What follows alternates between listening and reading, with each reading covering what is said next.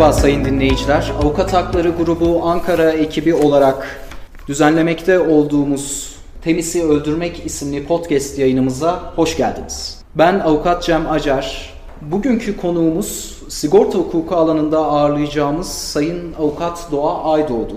Kendisi gerek staj döneminde gerekse avukatlık pratiği süresince sigorta hukuku alanına ilişkin birçok çalışmaya imza atmış. Kendisine hoş geldiniz diyorum. Hoş geldiniz Sayın Doğa Aydoğdu. Merhabalar. Şöyle öncelikle avukat haklarına teşekkür ederim bugün beni burada ağırladıkları için. Cem'in de dediği gibi bu konu hem meslektaşlar hem mağdurlar için kanayan bir yara açıkça söylemek gerekirse. İlk başta süreci biraz anlatayım Lütfen, istiyorum. evet. Şöyle oluyor. Biz şimdi bu hasar şirketlerine daha çok bedeni kazalarda rastlıyoruz. Bedeni kaza nedir? Trafik kazasında biliyorsunuz artık araçların sigorta yaptırması zorunlu hale geldi. Buna biz zorunlu trafik sigortası, trafik poliçesi, trafik artı poliçesi bu şekilde adlandırılabiliyor. Birçok adı var. Bu poliçeyi tüm araçların yaptırması zorunlu. Yaptırmaması halinde de bir güvence hesabı adı altında mağdurların hak taleplerine devlet tarafından yanıt veriliyor, karşılanıyor. Bir kaza geçirdiniz, yaralandınız, vefatla sonuçlandı, bir yakınınız vefat etti. Haklarınız nedir? Şöyle olur, bir kaza tespit tutanağı tutulur. Bunda çift taraflı kazaysa araçların kusur oranları yazılır. Bedeni kaza olursa polis çağrılması gerekir. Polis bu kusur oranlarını belirler.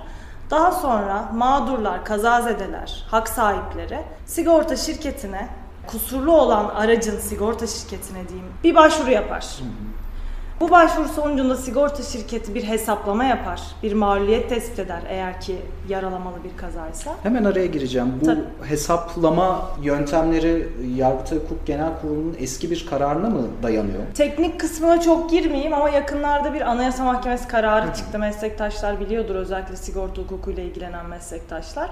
Normalde bu hesaplamalar için yeni genel şartlar, eski genel şartlar ayrımı vardı. 2015'ten sonra bir değişiklik oldu. E, Buna göre de maliyet belirleyen yönetmelikler var. Bir sürü yönetmelik var. İşte iş kazalarında çalışma gücü kaybı gibi. Eski genel şartlarda o var. Yeni genel şartlarda engel işte erişkinler için engellik değerlendirmesi yönetmeliği. Onlara göre sigorta şirketinin gerçekten bu konuda uzman çalıştıkları medikaller var. Medikal diyoruz biz buna sigorta hukukunda. Onlar bir maliyet oranı belirliyorlar kendileri. Daha sonra o maliyet oranına göre de yine onunla ilgili tazminat hesaplıyorlar, bir ödeme yapıyorlar. Ödeme karşılığı da ibra alıyorlar. Yani olay zaten ibra aşamasını kopuyor. Evet oraya özel olarak değineceğiz. Olay bundan ibaret. Başvuruda karşılanmayan talepler için de sigorta şirketlerinin neredeyse hepsi tahkime üye. Ya tahkime gidilir ya davaya gidilir ya da bakiye için ödeme alınır. Bu süreçler nasıl işliyor? Kısaca bundan bahseder misiniz? Örneğin tahkim süreci ya da dava süreci. Şöyle oluyor. Şimdi siz başvuruyu yaptınız. Bir kere tahkim için başvuru zorunlu. Başvuruyu yaptınız. 15 gün içerisinde sigorta şirketinden cevap gelmedi. Ya da cevap geldi ya da kısmi bir ödeme oldu. Sizin zararınızı karşılamadı. Siz bu sefer tahkime başvuruyorsunuz. Sigorta şirketi tahkime üye ise ki çoğu sigorta şirketi isim vermiyorum üyedir. Onu kontrol edebiliyorsunuz. Tahkime başvuruyorsunuz. Hakeme gittikten sonra 4 ay içinde hakem bunu sonuçlandırmak zorunda. Ne oluyor? Hakem bir kusur raporu alıyor. Polisin belirlediği KTT'ye göre. O kusur oranında eğer size zarar veren araç, işleteni, sürücüsü ve aynı zamanda aracın sigortacısı kusurlu bulunuyorsa bir hesap yaptırılıyor. Maliyet oranıyla gidiyorsunuz bu arada tahkime yoksa reddedilir. Tahkimin taleplerinden biri o. Ona göre de bir ödeme yapılıyor. Dava aşamasında maliyet raporu aldırma zorunluluğu yok. Başvuru var sonra biliyorsunuz arabuluculuk var artık oralara girmiyorum zorunlu olduğu için. Mevzuata göre 3 aşağı 5 yukarı genel hatlarıyla e, süreç bu şekilde diyorsunuz. Zannederim bununla ilgili birçok şikayet var. Gerek bu alanda zaten örneğin bir trafik kazasıyla mağdur olmuş kimseler ya da bu kimselerin yakınları. Evet. Yine bu süreçte onlara profesyonel destek sunmakla yetkili olan avukat meslektaşlarımızın birçok alandan birçok farklı şikayetler var. Yakın geçmişte de TBB buna ilişkin bir rapor yayımladı. Biraz da belki bu rapora da atıfta bulunarak acaba neler oldu? Nitekim sonrasında da biraz kanun görüşmelerine geleceğiz sizinle e, son çıkan kanun değişikliğine. Ama şöyle genel hatlarıyla acaba mevzuattan ayrı olarak fiiliyatta bu işler nasıl yürüyor? Kimler aktör? Şöyle bu kanun ilk başta görüşmeleri oldu biliyorsunuz. Metin Feyzoğlu çıktı ya biz bu işi çözeceğiz. Bakın bütün barolar seferber oldu. İşte Adalet Bakanlığı'yla her gün görüşüyoruz. Şudur budur. Biz de bir ümitlendik şimdi bu iş çözülecek herhalde dedik. Olayın içinde olduğumuz için açıkça söyleyeyim. Sonuçta hala olayın içindeyim. Ben büyük oranda bir çözüm getirildiğine inanmıyorum. Neden? Nedenini de anlatacağım şimdi size. Çok kısa değişiklikten bahsedeyim. Bu değişiklik sigortacılık kanunuyla getirildi. Belki meslektaşlar bakmak ister madde 6'da bu düzenleme getirildi. Bu kazalardan, bedeni kazalardan mağdur olan kazazedelerin alacaklarını takip yetkisi bizzat kendilerine, kanuni temsilcilerine, alt soyuna yakınlarına ya da avukatlara verildi. Yani kanun maddesinde tazminat alacağı sadece hak sahibine veya avukatına ödenir ve birinci fıkrada belirtilen kişiler de dahil olmak üzere hiç kimseye devredilemez. Değişiklik bu. Madde gerekçesine baktık. Madde gerekçesinde dedi ki ya bu iş, bu tazminat alma işi, bu yaralamalarda, ölümlerde mağdurların bir nebze olsun bu zararının giderilmesi işi ehil olmayan kişilere bırakıldı, şirketlere bırakıldı. Kimler bunlar? Bunlar hasar danışmanlık şirketleri yoğunluklu olarak. İsim iş vermeyeceğim yaparlar? ama bunlar ne iş yaparlar? Bunlar aracılık hizmetleri yürüttükleri, evrak topladıkları iddiasıyla aslında bir sigortacılık faaliyeti yürütüyorlar. Bu sigortacılık kanunda yasaklanmıştır. Avukatlık kanunu dolanmak suretiyle de işlerine devam ediyorlar. Bu avukatlık kanununda da yasaklanmıştır. Ama gelin görün ki uygulamada bunlar tabiri caizse argo olsun istemiyorum ama at koşturuyorlar. Yani bunlarsız kuş uçmuyor. Yani bu sektörde nerede bir kaza olsa. Kuş uçmuyor derken?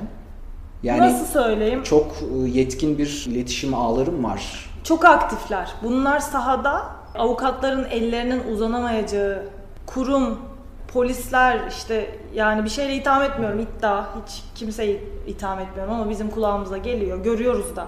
Kaldı ki TBMM'de raporu var. Kendi raporu var. Aynı zamanda bu Türkiye Barolar Birliği Simsarlıkla Mücadele Komisyonu tarafından hazırlanan raporu meslektaşlar, merak edenler, mağdurlar internette pdf halinde bulabilirler. Orada her şey söylüyor. Bunu TBB Başkanı kendi de çıkıp söyledi zaten. Burada diyorlar ki şöyle birazcık kanun düzenlemede neyi getirdi hani ondan bahsedeyim. Alacağın devri suretiyle çalışıyordu bunlar. Bu simsarlar dediğimiz hasar şirketleri. Sen bir kaza geçirdin. Bunların saha elemanları buluyorlar sizi. Diyorlar ki ben senin tazminatını alacağım. Senden 5 kuruş para istemiyorum. Hiçbir şey yapmayacaksın. Sadece bana alacağın temlik et, bir vekalet ver. Ben senin cebine şu kadar para koyacağım. Ben sana maaş bağlayacağım. Ben seni emekliye ayıracağım falan bu tarz. Yani sürekli olumlu yanları üzerinden Tabii. bir propagandayla e, Hiçbir olumsuzluk yok. Evet, Sorsanız ne kusur durumu var, ne rücu durumu var. Yani bizler avukat olarak bu işi devralmış olsak davanın sonucu hakkında zaten konuşma yasağımız var. Yani herhangi bir şey garanti edemezken bu aktörler belli ki sanki her şey lehe sonuçlanacakmışçasına kesin bir garantiyle insanların karşısına çıkıyorlar öyle Aynen mi? öyle. Yani öyle bir karşısına çıkmak ki adeta bir alacaklıymış gibi 7-24 aramak, yakınlarını aramak, hastaneye ziyaretlere gitmek, taziyelere daha cenazesi kalkmamışken açıkça söyleyeyim daha cenazesi kalkmamışken baş sağlığı adı altında gidip yani e, Peki nasıl ulaşıyorlar? şöyle ulaşıyorlar. Bunların hastanelerde elemanları var. E, Sadece hastaneler mi? yani polislerden haber gittiği iddiası var. Meslektaşların hatta TBB'nin kendi raporunda bizzat ambulans görevlilerinin, kamu kurumlarının bilgi sızdırdığı yani bunun önüne geçilmesi gerektiği söylenmiş. Geçiliyor mu? Adli Tıp Kurumu'nun da ismi geçiyordu diye hatırlıyorum. Tabii. Doğru mudur? Adli Tıp Raporda, Kurumu'nun rapora ismi göre. tabii aynen öyle. Geçiyor. Neden? Maliyet. Onlara gelen maliyet, onlara gelen hasta hemen kuş uçuyormuş tabiri caizse. Nedir bunlar nasıl çalışılır? %10. İşte 100 TL, 50 TL. Yani o kadar geniş bir ağ ki Cem.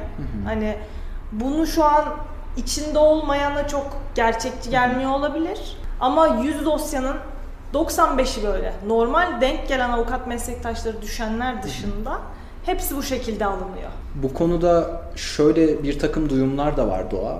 Örneğin sen bir hasta olarak hastaneye gittiğinde ilk kayıt işlemini gerçekleştirdiğin anda o kayıtları tutan e, görevliler var. Bu görevlilerin artık özel şirketler tarafından istihdam edildiği Yani bu alandaki tamamıyla ilk hasta kayıt olayının ağırlıklı olarak sektörde, sağlık sektöründe özel şirketlere devrolunduğu bir vaka. Hastaneye gelindiğinde de daha ilk hasta kayıt anında dahi bu bilgilerin bir şekilde kimler tarafından olduğunu net bilmiyoruz ama uçurulduğu söyleniyor. Yani dediğin üzere o kadar çok geniş bir e, ne yazık ki yelpaze var ki olayda. Kimden çıktığı zannederim bu durumda tespit edilemiyor bu durumda. Yani şöyle tespit edilemiyor evet ama TBB'nin raporunu okuyan meslektaşlar da görecektir bu simsarlıkla mücadele ettiğini iddia eden komisyonun raporunda. Ee, şöyle aslında bir şekilde bu bilgilere ulaşabilirliği sorgulayabilirler. Mesela emniyette polis memurlarının bilgiye bakarken log kayıtları tutuluyor. Buna benzer bu kadar bilgiye erişebilen aktörlerin olduğu kamu kurumlarında da böyle yapılıp önüne geçilebilir. Yani o raporda bir sürü çözüm önerisi sunulmuş. Noterlerden tutun e, kamu kurum kuruluşları, hastaneler, işte emniyet nasıl önüne geçebiliriz? Dedikleri raporda TBB'nin tek yaptığı bir yıl sonra tek yapabildiği şey alacağın devrini engellemek. Ne kazandırdı Evet ne getirdi ne getirmedi. Gerçekten hasar şirketlerinin aleyhine bir husus mu doğdu? Ne oldu? Yani ne oldu? Şöyle bir iyiliği olabilir. Şimdi yiğidi öldür hakkını yeme diye buraya da girelim. Ee, şöyle oldu. Bu alacağın temlikiyle biliyorsunuz normalde avukat kanununda aslında avukatın vekalet ücreti ya da işte asıl alacaktan parayla ölçülebilirse dava alabildiği %25'ti. %25'in üzeri yapılan anlaşmalar %25 olmak üzere geçerli tavan diye konuşuluyor. Alacağın temliki sözleşme özgürlüğü adı altında abartısız mağdurların hak ettikleri tazminatın %50, %60 bu tutarlarda hasar şirketlerine devri söz konusuydu. Yani alacağın temliki bir biliyorsunuz şarta bağlı değil, onaya bağlı değil, borçlunun onayı aranmaz. Ee, böyle olunca da mağdurlar zaten bu konuda teknik bir alan, bir bilgileri yok. Tamam diyorlardı. İmza atıyorlardı. Daha hastanede kemikleri kırıkken e, senet imzalatıyorlardı. Hani böyle şeyler vardı. Bu şekilde bir yararı oldu diyelim. Ama hasar şirketleri hala aktif. Neden aktif? Çalıştıkları avukatlar var. Yaygın bir iş tutma prensibin peki avukatlarla çalışmaları yoksa sadece birkaç avukat mı bu işin içerisinde? Yani şöyle eskiden bu kadar ihtiyaç duymuyorlardı. Mağdurlar 20 tane kişiye vekalet veriyorlarsa bir, birkaç avukattı. Ne diyorlardı? Biz avukatla çalışıyoruz.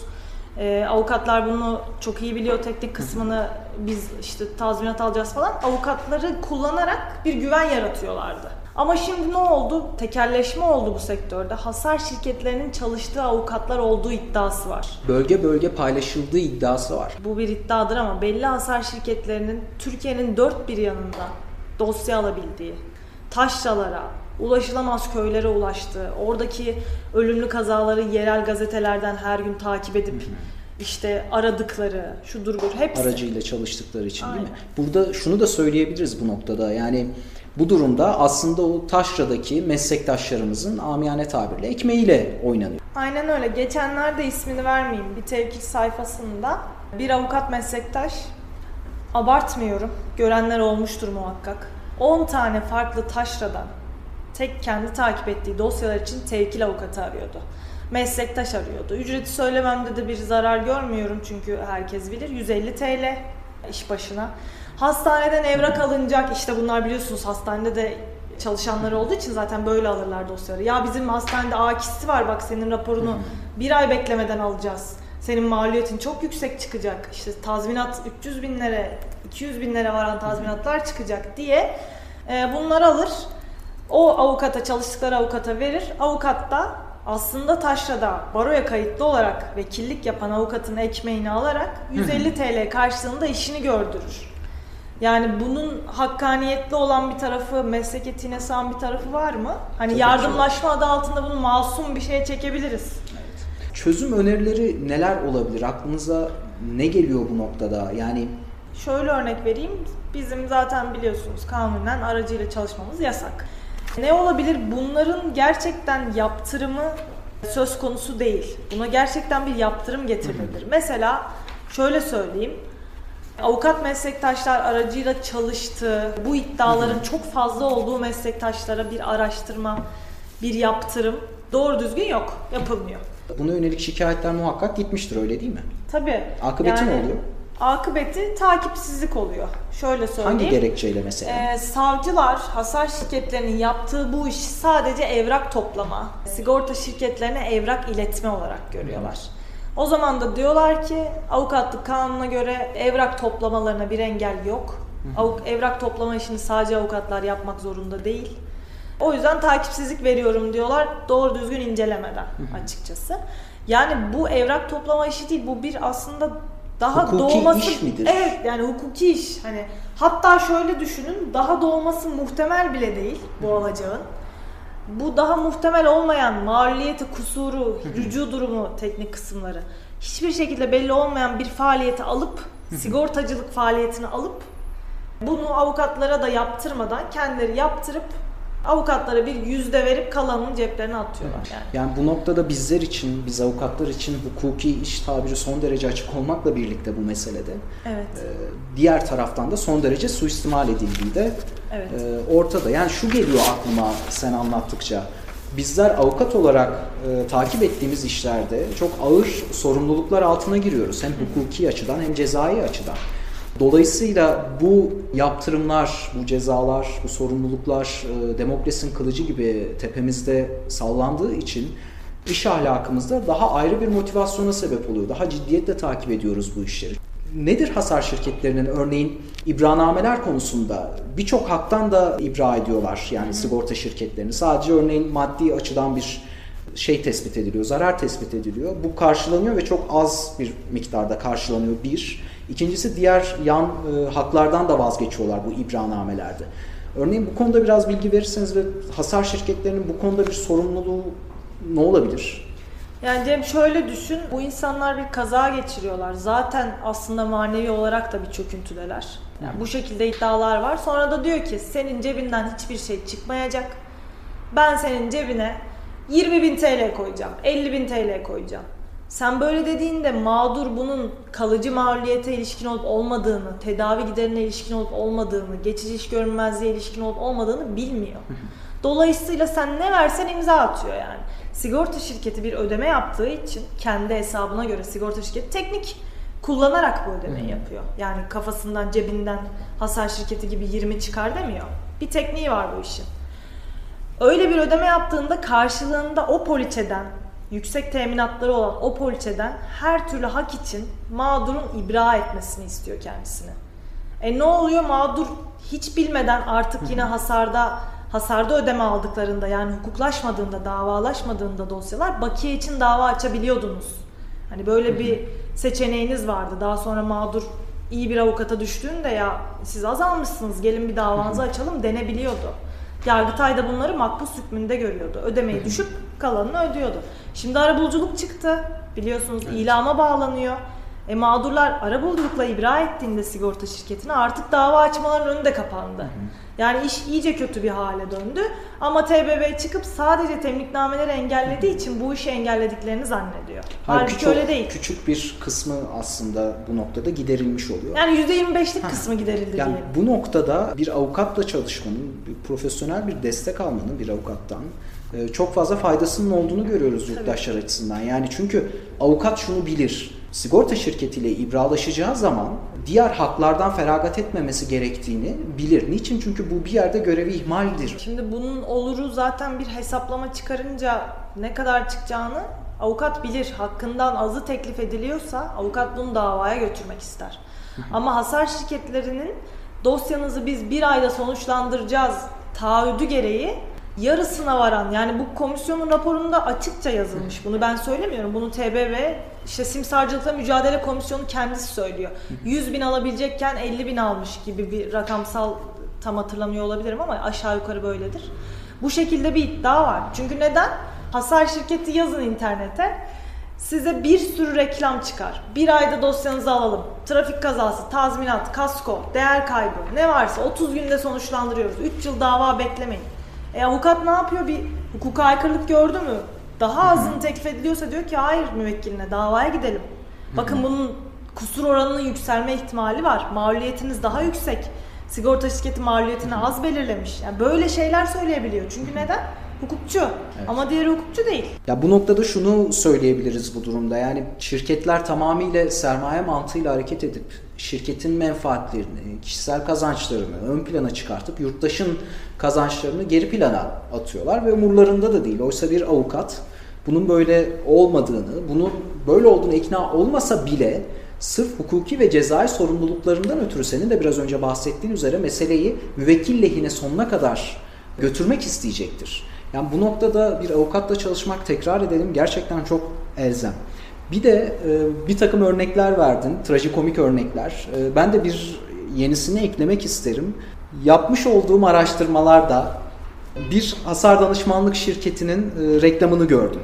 Reklamda aynen şöyle bir ifade var. Diyor ki trafik kazası akbabalarına dikkat. Yani halbuki bizzat bu hasar danışmanlık şirketi akbaba olmuyor mu kendi tabirleriyle söyleyeyim. Yani insanın aklıyla dalga geçtiği düşünülüyor olabilir ama ben de gördüm aynı haberi ve o habere girip bakanlar olacaktır. İsim vermeden söyleyeyim haberde kendi yaptıkları işi anlatmışlar yani.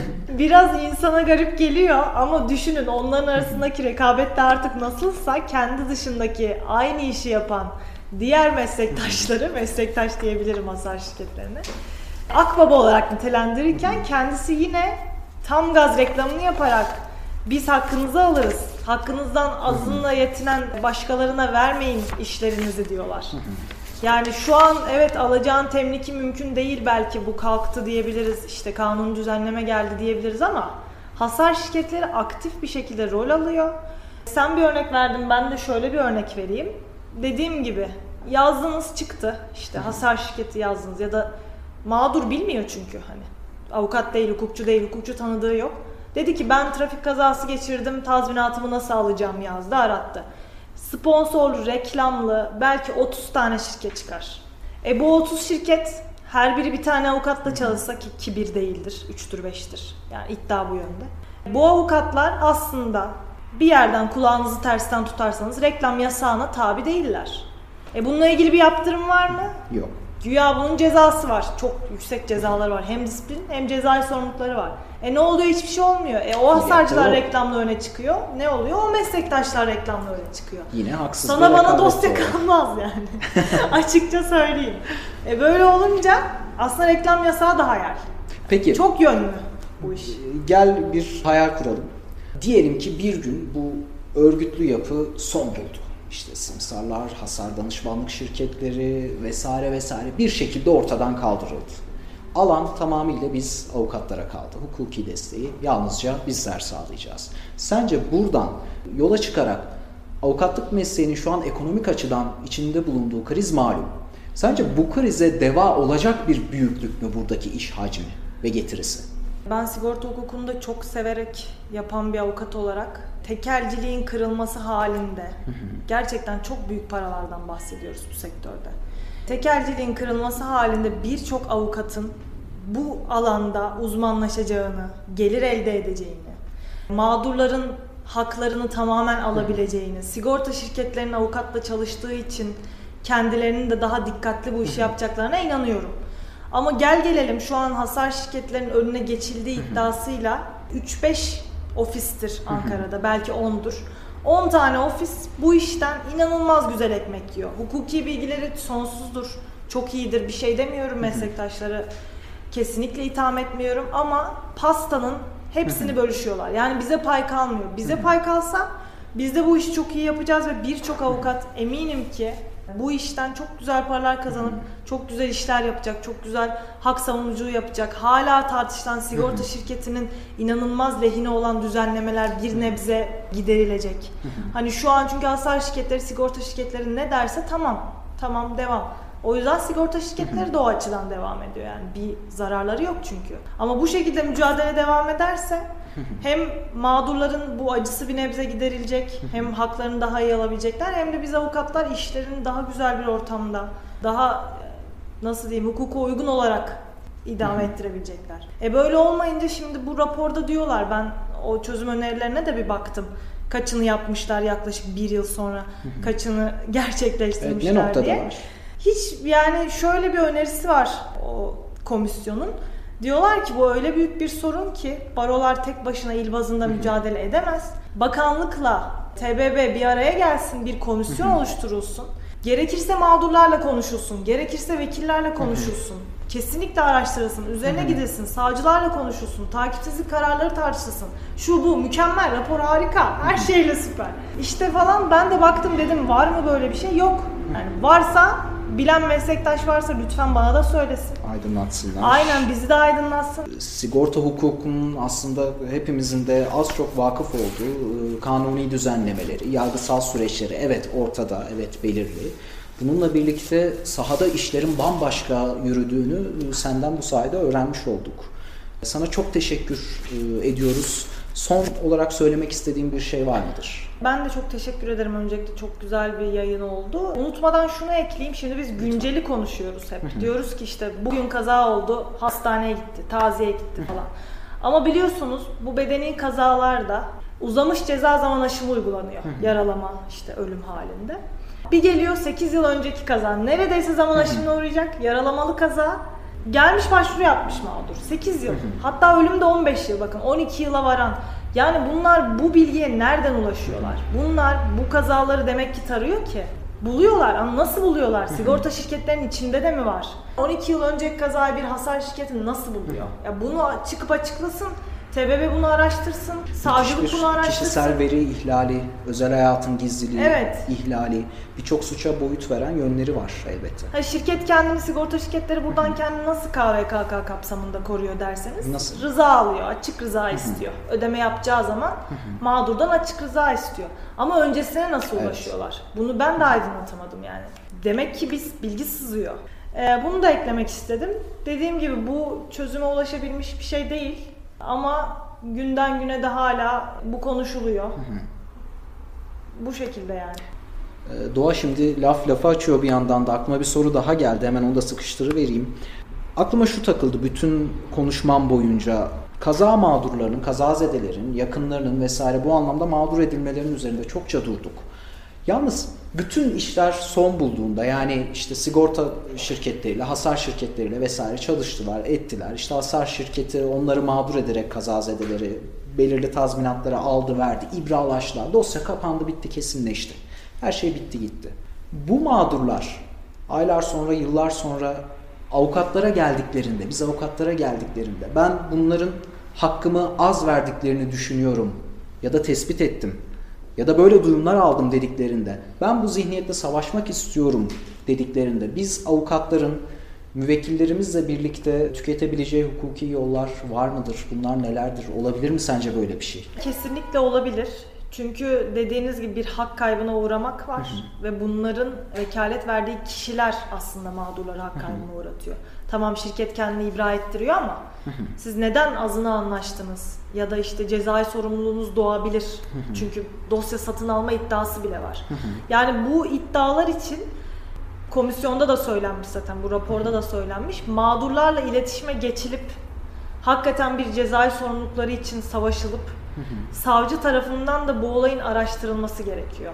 Yani çünkü o zaman ne oluyor? Bunlar da bir rapor aldırmış oluyorlar. Bunlar da bir hesaplama yaptırmış oluyorlar. Bunu incelemezse, gerçekten aktif bir soruşturma yürütmezse zor. Ama hakikaten savcılar da bu komisyonla beraber hareket ederlerse, bu işin önüne geçmeye gerçekten çabalarlarsa TBB ile beraber sonuç alınabileceğini düşünüyorum. Hukuka aykırılık çok çünkü. Bu süreçte birden çok hukuka aykırılık var. Yani bunun tespitinin yapılıp cezalandırması sağlansa eminim hasar şirketleri de tabiri caizse kendilerine çeki düzen vereceklerdir. Avukatlardan daha fazla yardım alacaklardır. Ama şu an bu işle ilgilenip görünüp kimse ilgilenmediği için bu olay çözümsüz bir şekilde Türkiye'nin dört bir yanında aynen devam ediyor. Yani hiçbir değişiklik yok. O yüzden hem TBB hem barolar hem meslektaşlar hem mağdurlar beraber hareket edecek ki bunun önüne geçeceğiz. Anlıyorum. Ben çok net ve umutlu bir cevap aldım aslında sona geldiğimizde. Tekrar tekrar çok teşekkür ediyorum sana Doğa. Sayın dinleyiciler, bugün sigorta hukuku kapsamında bir konuğumuz oldu. Avukat Doğa Aydoğdu bizimleydi. Temiz'i Öldürmek isimli podcast yayınlarımızın bir yenisi olan bu yayınımızda bize eşlik ettiği için kendilerine tekrar teşekkürlerimi sunuyorum. Ve size de keyifli günler diliyorum. Hoşçakalın.